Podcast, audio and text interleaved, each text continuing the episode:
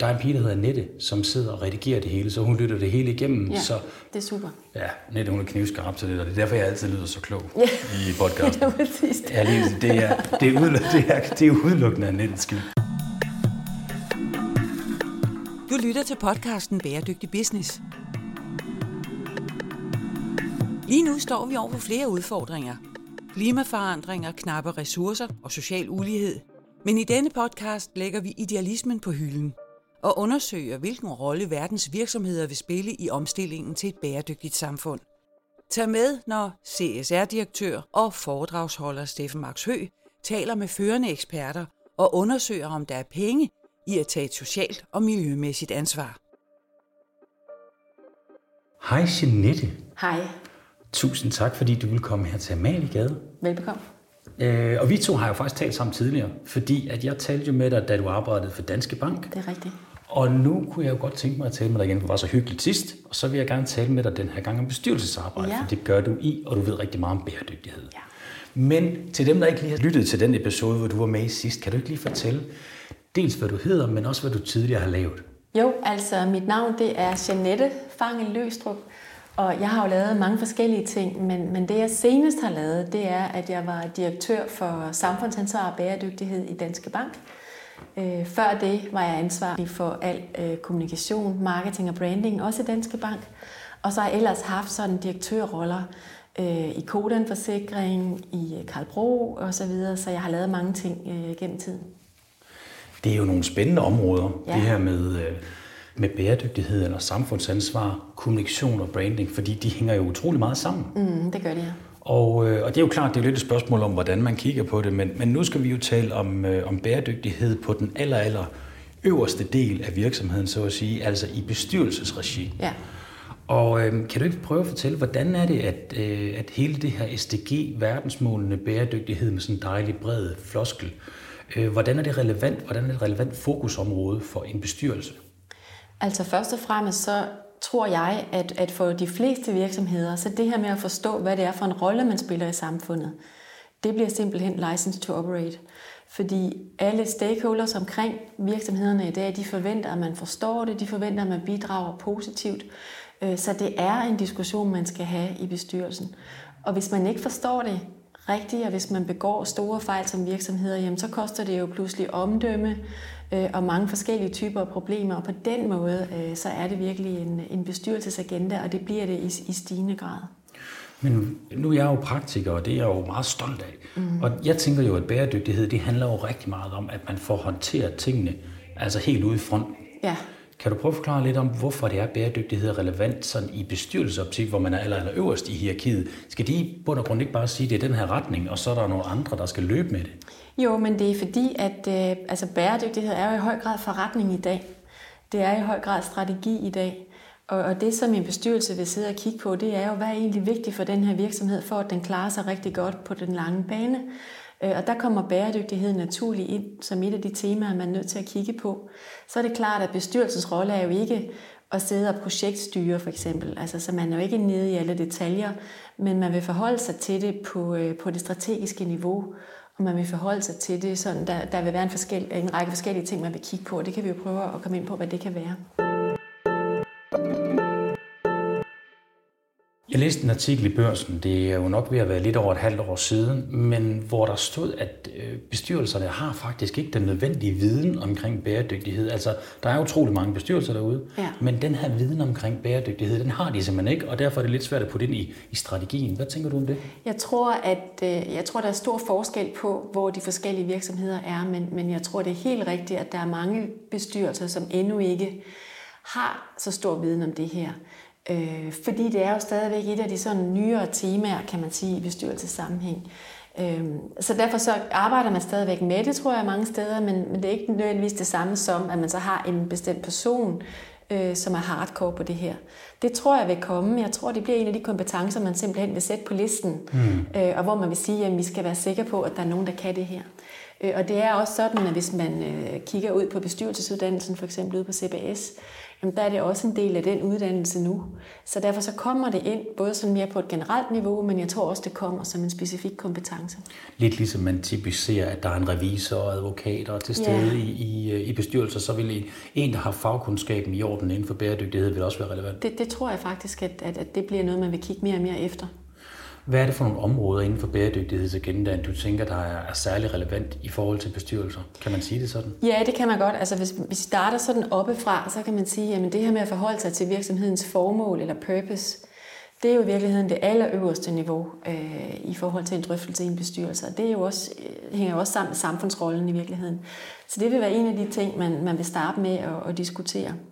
Øh, så vil man kigge rigtig meget på, jamen, hvordan skal bæredygtighed så integreres i den forretningsstrategi, man har.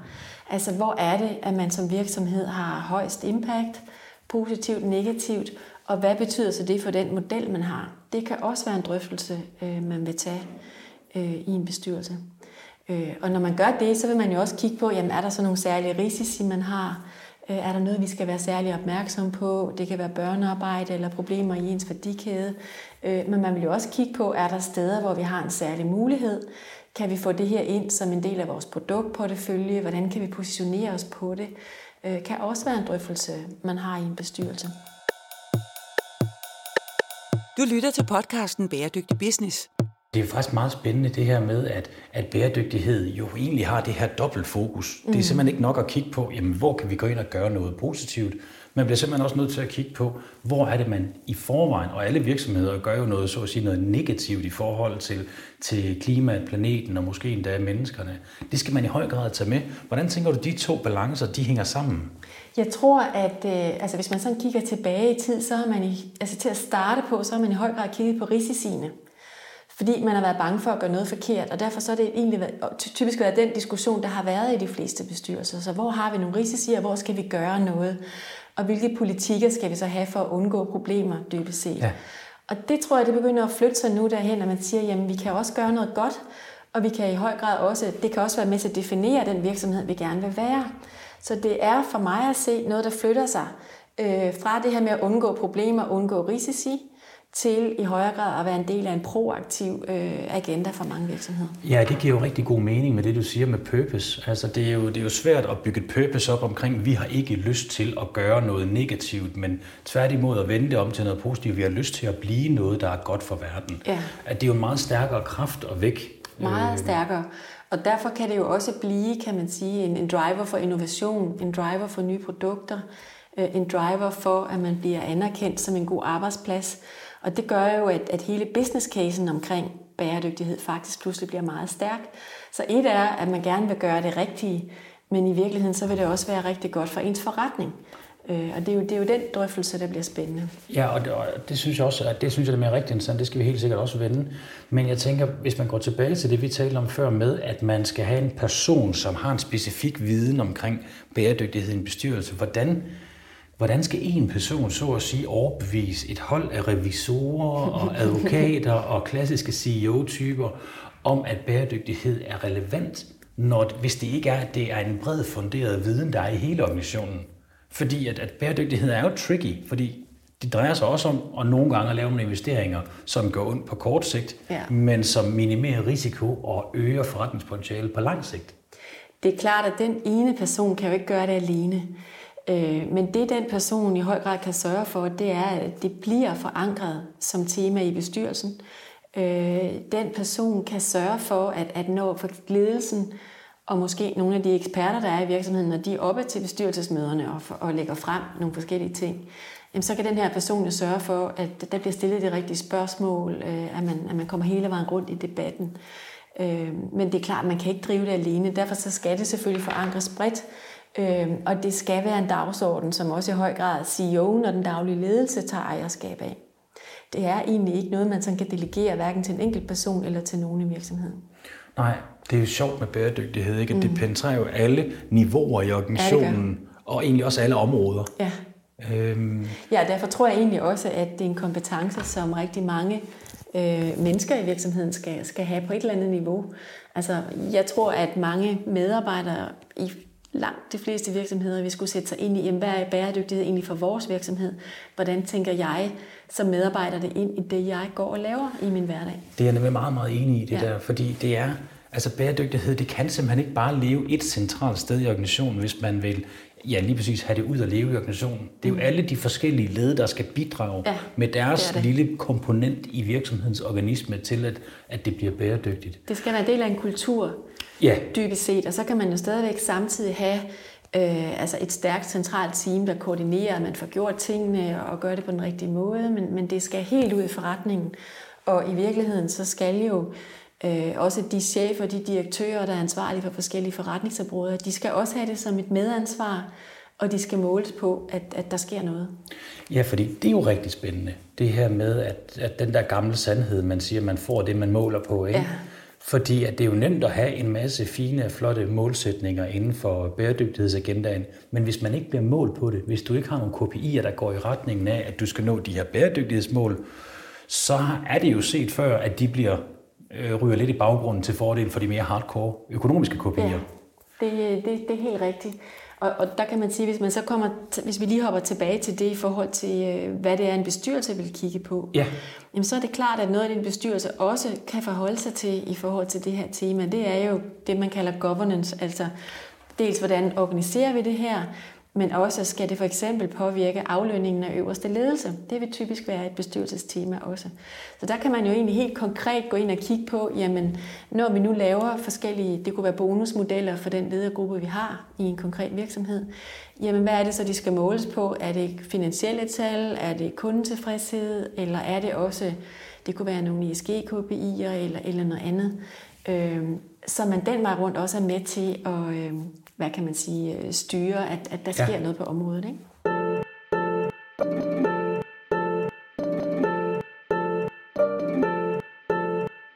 Det må vel være den, en af de mest centrale opgaver, en bestyrelse har i forhold til bæredygtighedsagendaen. Det er vel den her governance-del, altså hvordan bliver virksomheden ledet i det daglige. Ja. Og, og det er jo der, man godt kan have nogle, øh, nogle KPI'er, der også går i retningen af bæredygtighedsmålene. Bestemt. Men det ser man ikke ret mange steder. Nej, man ser det ikke så meget endnu, øh, men, men, jeg, men jeg tror, det kommer. Øh, og vi så øh, jo her i, øh, i foråret, jeg mener, det var Siemens, som var ude med, øh, med nye modeller for, hvordan de ville aflønne deres globale ledelse, og der var, øh, der, var der forskellige kopier på bæredygtighed øh, involveret i det. Så jeg tror egentlig, at, at det kommer, fordi tilbage til, jamen noget af det vigtigste, en bestyrelse kan forholde sig til, det er jo, hvad er det for en rolle, den her virksomhed spiller i samfundet? Øh, hvad skal der til, for at man lever op til de forventninger, der er? Øh, hvad betyder det for vores forretningsstrategi, og hvordan kan vi så sikre os, at den øverste ledelse agerer derefter? Øh, og det skal lønpakkerne jo et eller andet sted også afspejle, hvad det er for nogle ting, man vil have fokus på. Ja, det er klart. Så det tror jeg, det vil komme, og det vil være noget af det, en bestyrelse vil kigge på øh, i, i deres governance. KPI'er, aflønning, og så også, øh, altså hvordan er det orkestreret, hvem ejer det, hvem ejer dagsordenen, øh, og så er der jo hele det her omkring, altså policies, det er jo sådan noget, en bestyrelse altid har kigget på, og, og typisk altid skulle hvad, godkende. Hvad vil det sige, policies? Altså forskellige politikker. Ja. Øh, det kan være, har man en politik for antikorruption, for eksempel? Har man en politik for diversitet? Øh, har man en politik for, hvordan man vil investere? Hvad det nu er, der er vigtigt. Har man en god øh, code of conduct policy? Sådan nogle ting skal en bestyrelse jo sørge for, at, øh, at man har. Det er typisk også bestyrelsen, der godkender politikerne for eksempel. Så det kan være en del af hele det der governance setup, der er på bæredygtighed, også på andre områder. Ikke? Kan du sige noget mere omkring bestyrelsens øh, ansvar og arbejde i forhold til, til virksomheden? Jamen, øh, en bestyrelse har jo øh, mange forskellige opgaver i virkeligheden. Øh, så dels skal de jo sikre sig, at de varetager ejernes interesser, for eksempel. Det er jo, det er jo en af de opgaver, de har. Øh, og det gør de jo blandt andet ved at sikre sig, at der er sat et super stærkt hold, man har sat en stærk øh, CEO, øh, at der ligger en god strategi. Øh, sådan nogle ting øh, diskuterer man jo i en bestyrelse, øh, og man følger op på alle de her ting. Og så kigger man selvfølgelig også på, altså så er der også øh, et, et vist element af kontrol i, i en bestyrelses øh, opgave. Så det vil sige, at man skal jo ind og kigge på, jamen, øh, gør folk det, de skal gøre? Øh, er der styr på politikkerne? Øh, kan vi regne med de data, vi får fremlagt? Øh, og så videre. Så det er sådan et bredspektret opgaver, man har, der gør, at man, øh, at man kommer til at diskutere mange forskellige ting som bestyrelse. Og så er det selvfølgelig vigtigt, at man øh, hele tiden holder sig på, øh, på det strategiske niveau, fordi det er jo ikke bestyrelsens opgave at overtage, kan man sige, den daglige ledelsesrolle. Så man skal jo ikke ned og, og gøre det, de skal gøre, men man skal sørge for, at den daglige ledelse gør tingene. Man skal være en god sparringspartner for den daglige ledelse, sådan at de lykkes med det, de skal. Øh, og man skal også være dem, der bidrager, altså også, hvad kan man sige, kommer med input udefra i forhold til også at inspirere, udfordre den daglige ledelse i forhold til, at man har tænkt hele vejen rundt om, om virksomheden. Spændende, så man kan godt sige, at det er sådan en dobbeltrolle, hvor man både er den, lidt den kontrollerende funktion, for man er jo i bund og grund ledelsen, eller den allerøverste ledelse, men det er også en, en, en coachende, en sparende funktion med ja. den eksisterende ledelse. Det er det. Er der andre områder inden for bæredygtighedsagendaen, som er sådan helt oplagt for bestyrelsen at tage fat på? Altså governance har du da fuldstændig ret i, det er jo selvfølgelig det helt centrale. Jo, så tror jeg, at en drøftelse, man vil have, øh, det er jo også, altså, øh, hvordan bliver det her en del af kulturen, som vi snakkede om også før. Fordi igen, altså bæredygtighed, og det kunne også være andre temaer, jamen et er jo at have det på, øh, på nogle slides og som en del af nogle strategipapirer. Men hvordan er det så, at man får rullet det ud i hele virksomheden? Øh, hvordan sikrer man sig, at, øh, at man har en kultur, der, der, der ved de rigtige ting? Det er jo også en del af den drøftelse, man kan have i en bestyrelse. Og øh, konkret kan man jo også kigge på, jamen hvis kulturen så ikke er god, har vi så de systemer, der gør, at vi får tingene at vide? Whistleblowing er noget af det, man kunne kigge på som bestyrelse. Øh, hvad er det for en rapportering, man får tilbage? Altså er der ærlighed omkring det? Det kan også være noget, man forholder sig til i en bestyrelse. Et andet aspekt er det hele den eksterne rapportering. Øh, fordi det er klart, at den rapportering, der går ud fra en virksomhed, øh, typisk omkring de finansielle data, altså årsregnskabet helt konkret, jamen det er jo også en bestyrelse, der godkender det. Øh, men nu skal langt de fleste jo også rapportere på bæredygtighed i et eller andet omfang, altså i forhold til, hvad det er, man skal ikke? Og, og gøre. Så det er også noget, en bestyrelse kan kigge på. Jamen, hvilke typer af data vil man gerne have? Hvad er det, man, hvad er det for en fortælling, man gerne vil fortælle om verden om? Hvordan man arbejder med det her? Det er meget interessant det her med rapporteringskravene, som jo er, er lovpligtige for de allerstørste virksomheder, hvor du jo selv har siddet tidligere. Og så hvordan det egentlig også drøber ned på alle de andre virksomheder, ja. der ligger nedenunder. Det, det er jo meget skægt, at, at når de her krav de bliver stillet til de største virksomheder, så kunne man jo godt tro, at det var dem, der fik de hårdeste krav, men de stiller jo kravene ned til deres, mm. via deres øh, fødekæder helt ned i, i leverandørkæden, så det drøber videre ned. Det er jo sådan set meget fint. Set sådan med, med fremtidsbrillerne på, hvad tænker du så, der er særlig vigtigt i en bestyrelse? fokuserer på generelt for virksomheder i forhold til bæredygtighed. Kan man sige, at der er nogle linjer i samfundet, der bevæger sig et sted hen, som er særlig vigtige at kigge på? Jeg tror, at, øh, at langt de fleste bestyrelser, de vil dels forholde sig til, øh, til verdensmålene. Øh, det er efterhånden blevet et fælles sprog, som, som man har alle steder. Så det at forholde sig til, altså hvordan kan man bidrage til verdensmålene i den strategi, man har, for forretningen og dermed også for bæredygtighed. Det tror jeg er et af de temaer, som, som mange bestyrelser interesserer sig for. Et andet meget konkret tema, det er selvfølgelig klimaforandringerne. Øhm, og det, øhm, det, det er jo dels fordi, det er jo også en kæmpe, kæmpe risiko, hvis man ikke forstår klimaforandringerne. Altså det man jo kan se foran sig, det er, at altså, verden er en helt anden om, om få år i virkeligheden, end den vi ser i dag. Og hvad vil det betyde for det samfund, vi har? Øh, for de virksomheder, vi har, for den måde, vi lever på. Nu har vi jo haft en lille forsmag på en anden verden mm. her, mens vi har haft corona, og det var jo ikke klimaets skyld. Men man kan sige, det her med, at, at, at verden pludselig bliver helt, helt anderledes, øh, for eksempel fordi klimaet øh, ændrer sig, jamen det vil mange bestyrelser sidde og forholde sig til, hvad er det for risici, man ser ind i, og der sidder man typisk og kigger på forskellige scenarier, for at forholde sig til, hvordan bliver den her industri, man er i, den her virksomhed, man er i, hvordan bliver den ramt, Øh, Øh, og hvad betyder så det for den måde, man, øh, man skal tilrettelægge sin strategi og sit arbejde i det kommende år? Så det er sådan ret konkret, øh, dels ud fra et risikoperspektiv, men selvfølgelig også ud fra et mulighedsperspektiv, hvis det nu er, at man kunne bidrage til at være en del af løsningen på klimaforandringerne, øh, så vil det jo også være meget, meget relevant for mange virksomheder. Så hvad er det så for produkter, man, man kunne have? Øh, hvordan kan man omstille den virksomhed, man har? Og hvordan kan man bidrage til ja, at, øh, at vi lykkes med det her. Og så tror jeg faktisk, at, øh, at et nyt tema, som jo øh, pludselig er blevet meget tydeligt for os alle sammen i forlængelse af, af coronakrisen, det er jo i virkeligheden hele det sociale område. Jeg tror, at, at det vi har set de sidste et-to år, det er jo, at, at klimadagsordenen har fyldt rigtig, rigtig meget for, for langt de fleste virksomheder. Øhm, og alt det her med socialt ansvar, det har man stadigvæk haft, men det har ikke været det, man har talt så meget om. Pludselig så står vi her midt i en krise, som, som ingen har set komme. Øh, og det kan jo godt betyde, at, at, at S'et i ESG, at det lige pludselig får et, et comeback, at man i højere grad skal kigge på, jamen for pokker, øh, hvad er det for nogle arbejdspladser, vi nu får, hvis man øh, for eksempel holder fast i, at øh, mange medarbejdere måske øh, i højere grad skal arbejde hjemme i de kommende år. Det har vi jo set allerede nu, nogle amerikanske virksomheder, der har meldt ud. Jamen hvad betyder det så for kulturen, øh, det at vi får skabt et godt klima for vores folk?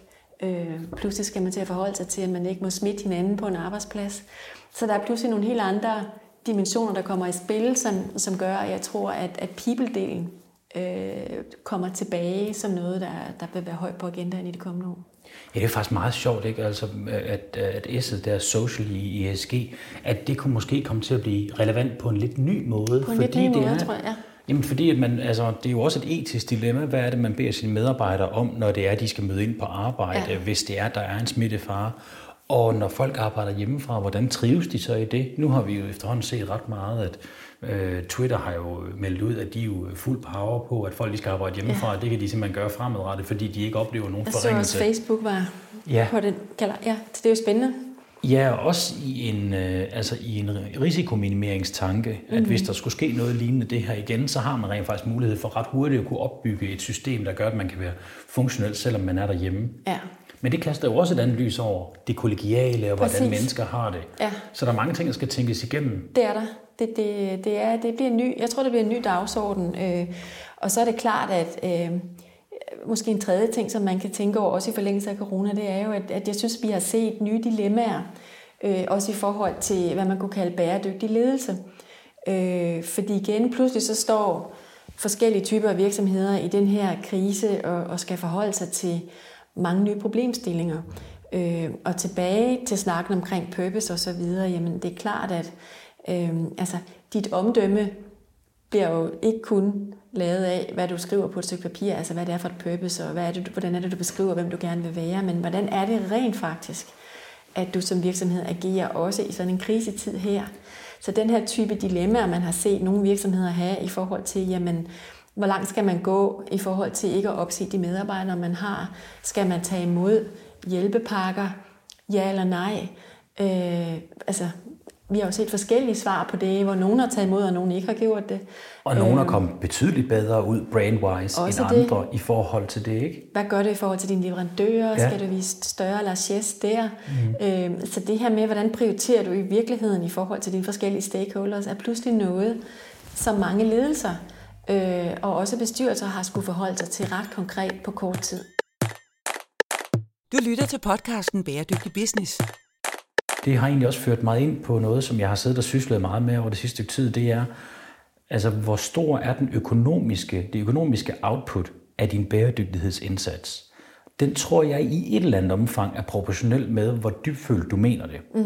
Fordi jo mere du går ind i det her, jo, jo, altså, så at sige, jo tættere du får det knyttet på dit purpose, jo højere stiger din egen personlige motivation. Det smitter givetvis dine medarbejdere.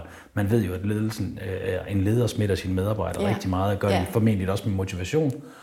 Så det er jo sjovt det der med, altså hvis man hvis man laver lidt greenwashing, hvor man siger, at man gør lidt, og det bare bliver på et stykke papir, ja. på et eller andet plan, så er det jo sådan ris til egen røv, for man får ikke rigtig, måske ikke helt så meget ud af det, som hvis det er dybfølt. Det er jo det, der virkelig er øvelsen, eller hvad det, tænker du? Jo, jeg er meget, meget enig, og man kan jo også se, altså de virksomheder, som er fejlet her, det, det kan være her i Danmark, men også internationalt, de har jo virkelig fået altså store slag på image, så derfor så rammer det meget, meget hårdt, hvis man ikke lever op til forventningerne og, og ligesom siger et og måske gør noget andet.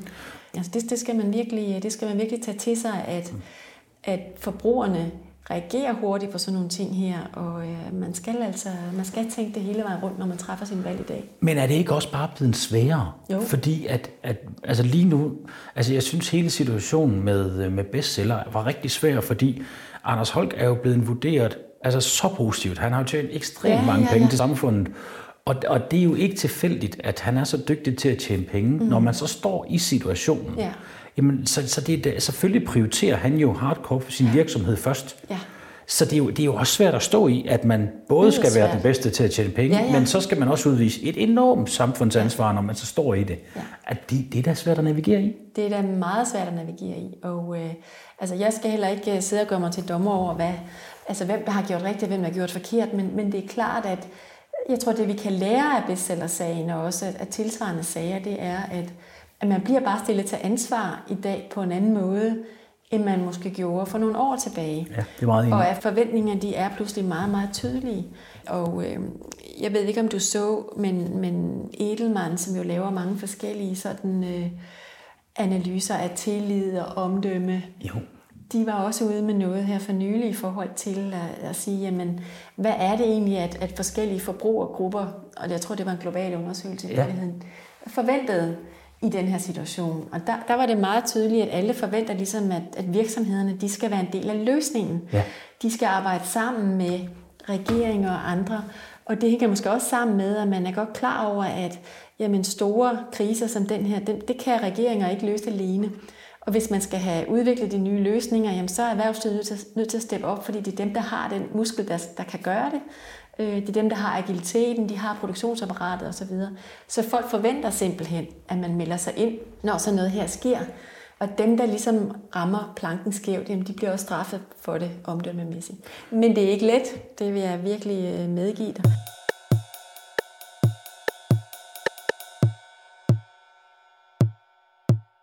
Du har fuldstændig ret, fordi at, at man bliver nemlig straffet for det lige nu. Men det viser jo også bare, hvordan det er, at vores opfattelse af samfundsansvar har simpelthen ændret sig. Ja. Det er tydeligt at se, at der er noget i gang i forbrugerverden, eller øh, blandt os mennesker, fordi det er jo ikke kun som forbrugere, det er jo egentlig også, når vi, hvis vi sidder som, som kunder i en, en B2B-virksomhed for den sags skyld. Men at det har ændret sig den måde, vi ser på andre virksomheder på. Vi ønsker, at de skal være en del af løsningen. Ja. Og hvis de ikke lever op til det, så bliver de straffet. Og den undersøgelse, du talte om, ja, ja det er sjovt, jeg har læst nemlig også selv.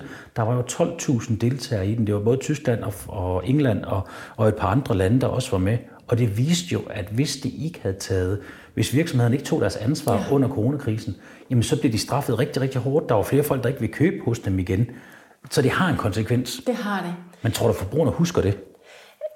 Jeg tror i hvert fald, de gør det i en periode. Øh, Så er det klart, at øh, altså, mange virksomheder har jo også vist en evne til at komme igen efter en imagekrise, ikke også? Og, øh, og så, så der vil der forhåbentlig være mange, der kommer igen. Men, men, men alt andet lige er det jo en lærer, som man er nødt til at tage sig, at, at, at der er andre forventninger i dag, og det er jo også det, der gør, at det her bliver en bestyrelsesdagsorden, fordi altså noget af det, som er vigtigt for en virksomhed, det er dens omdømme, og noget af det, der driver omdømme, altså det allervigtigste i forhold til at drive et omdømme, det viser jo samtlige målinger, det er jo, hvordan agerer du i forhold til din samfundsrolle, og er din etik i orden? Det er jo simpelthen det, der er de vigtigste driver i forhold til dit omdømme. Og derfor er det noget, som man er nødt til at tage seriøst på aller, aller øverste niveau. Men derfor tænker jeg da også, at det er meget centralt, at man har nogle kommunikationskyndige mennesker i sådan en situation. Fordi mm. når det brænder på, så er kommunikationen jo alt afgørende. Ja. Så hvordan vil man øh, som kommunikationskyndig i sådan en situation, hvordan vil man håndtere sådan den interne og den eksterne kommunikation, hvis man har en bæredygtighedsproblemstilling, der brænder på? Altså det, man i daglig tale kalder en shitstorm. Altså, det handler jo meget om, øh, om fakta, og forstå, altså, hvad er op og ned på, øh, på en konkret sag. Øh, og så handler det jo meget om at, øh, altså at få forklaret, hvorfor man gør, som man gør. Øh, altså, det er jo sådan to gode greb til at starte på. Øh, hvis det så er, at der er en sag, hvor man skulle have gjort noget andet, end man burde have gjort, så handler det også rigtig meget om at agere. Altså reagere på sagen, forhold på fakta, som jeg sagde. og, så, øh, og så simpelthen drage de nødvendige, de nødvendige konsekvenser. Det, det er jo ofte sådan nogle greb, man har i, i værktøjskassen. Der må også være et vigtigt element i det her med at klæde, klæde sine medarbejdere på. Ja. til at forstå, hvad der sker. Det gør man også. Det arbejder man rigtig meget på. Øh, Og specielt i, øh, i store virksomheder, så, øh, så kan man sige, at der er der mange medarbejdere, der har oplevet, at de skal forklare til familiefrokoster og hvad ved jeg, hvad der er op og ned af en sag. Og det, det oplevede jeg også selv, da jeg var i Danske Bank. Det, det er jo ikke nogen hemmelighed. Nej, der var en situation, der ja. med de situationer, der har været, at, at der, der var det meget, meget vigtigt at klæde, klæde medarbejderne på, fordi de kommer til at stå til ansvar for det og skal forklare, hvad, hvad sagen indeholder. Og det er tilbage til det med fakta. Jo, jo, bedre, jo mere faktuelt man kan gøre det, jo mere øh, man kan give folk at arbejde med, jo bedre er det. Et meget interessant perspektiv, det her med, at medarbejderne står jo i høj grad også på mål. Det gør de. Og der kan man jo så føre det over til at sige, jamen, hvorfor er det, at bæredygtighed i bund og grund også skal have noget værdi markedsføringsmæssigt eller motivationsmæssigt for sine medarbejdere? Jamen tilsvarende, så kan man sige, hvis man gør noget godt, og medarbejderen til den samme familiefrokost kan sidde og fortælle, ja. det giver jo stolthed. Det gør det. Og det er jo også det, der i virkeligheden er, altså business casen i det her. Fordi igen, jamen, altså hvis man sådan skærer det ud og siger, jamen hvad får man ud af at skabe en bæredygtig virksomhed og, og tænke det her perspektiv ind, jamen så, så er der jo faktisk rigtig, rigtig mange upsides ved det. Øhm, der er dels det med omdømmet, som, som vi har talt om. Altså det er en driver for det gode omdømme, at du agerer etisk korrekt og spiller en, en positiv rolle i samfundet. Og det er jo mange, mange penge værd, at du har et højt omdømme. Øhm, så er der det her i forhold til kunder. Altså du kan få positioneret dine, dine produkter på en god måde. Du kan måske endda være innovativ i forhold til at være en del af løsningen. Det er jo også meget, meget vigtigt for alle virksomheder. Øhm, så er du selv inde på det med medarbejderperspektivet. Altså både evnen til at kunne tiltrække medarbejdere, men også til at fastholde dem og sørge for, at dem, der er der, er stolte, når de er der. Øh, altså det kan skabe ufattelig højt medarbejderengagement, utrolig stolthed, hvis, hvis man gør nogle gode ting, og hvis man evner at få, øh, få folk med på rejsen. Så det er jo også utrolig meget værd for alle virksomheder. Øhm, og så er der det sidste, jeg vil nævne, det er jo i forhold til øh, investorer, øh, som jo også i højere og højere grad, når de kigger på, om de vil investere i en virksomhed, jamen så kigger de selvfølgelig på, performer den her virksomhed godt finansielt, men hvad med ESG? Så de kigger også på den type data. Noget mere målbart mere data. Mere. Ja. Så det vil sige, at det, man i gamle dage ville kalde sådan lidt det bløde område, mm. det bliver jo pludselig lige så hårdt et område, lige så hårdkogt et område, som alle andre typer af data. Øh, og man skal kunne fremlægge ordentlige data på det her, fordi det bliver en del af, hvad kan man sige, øh, den vægt, man bliver målt på, når, man, når, når også en investor skal kigge på, at det her faktisk en virksomhed, som man tror på på den lange bane. Ja, netop fordi det kan være risikofyldt ikke at have styr på de her ting. Ja, så på den måde er der jo virkelig en business case i det her, så man skal gøre det, fordi man vil gøre det rigtigt. Absolut. Men det er også det, der er med til at sikre, at, at en virksomhed er relevant og er stærk på den lange bane. Tusind tak, Jeanette. Det var rigtig spændende. Velkommen.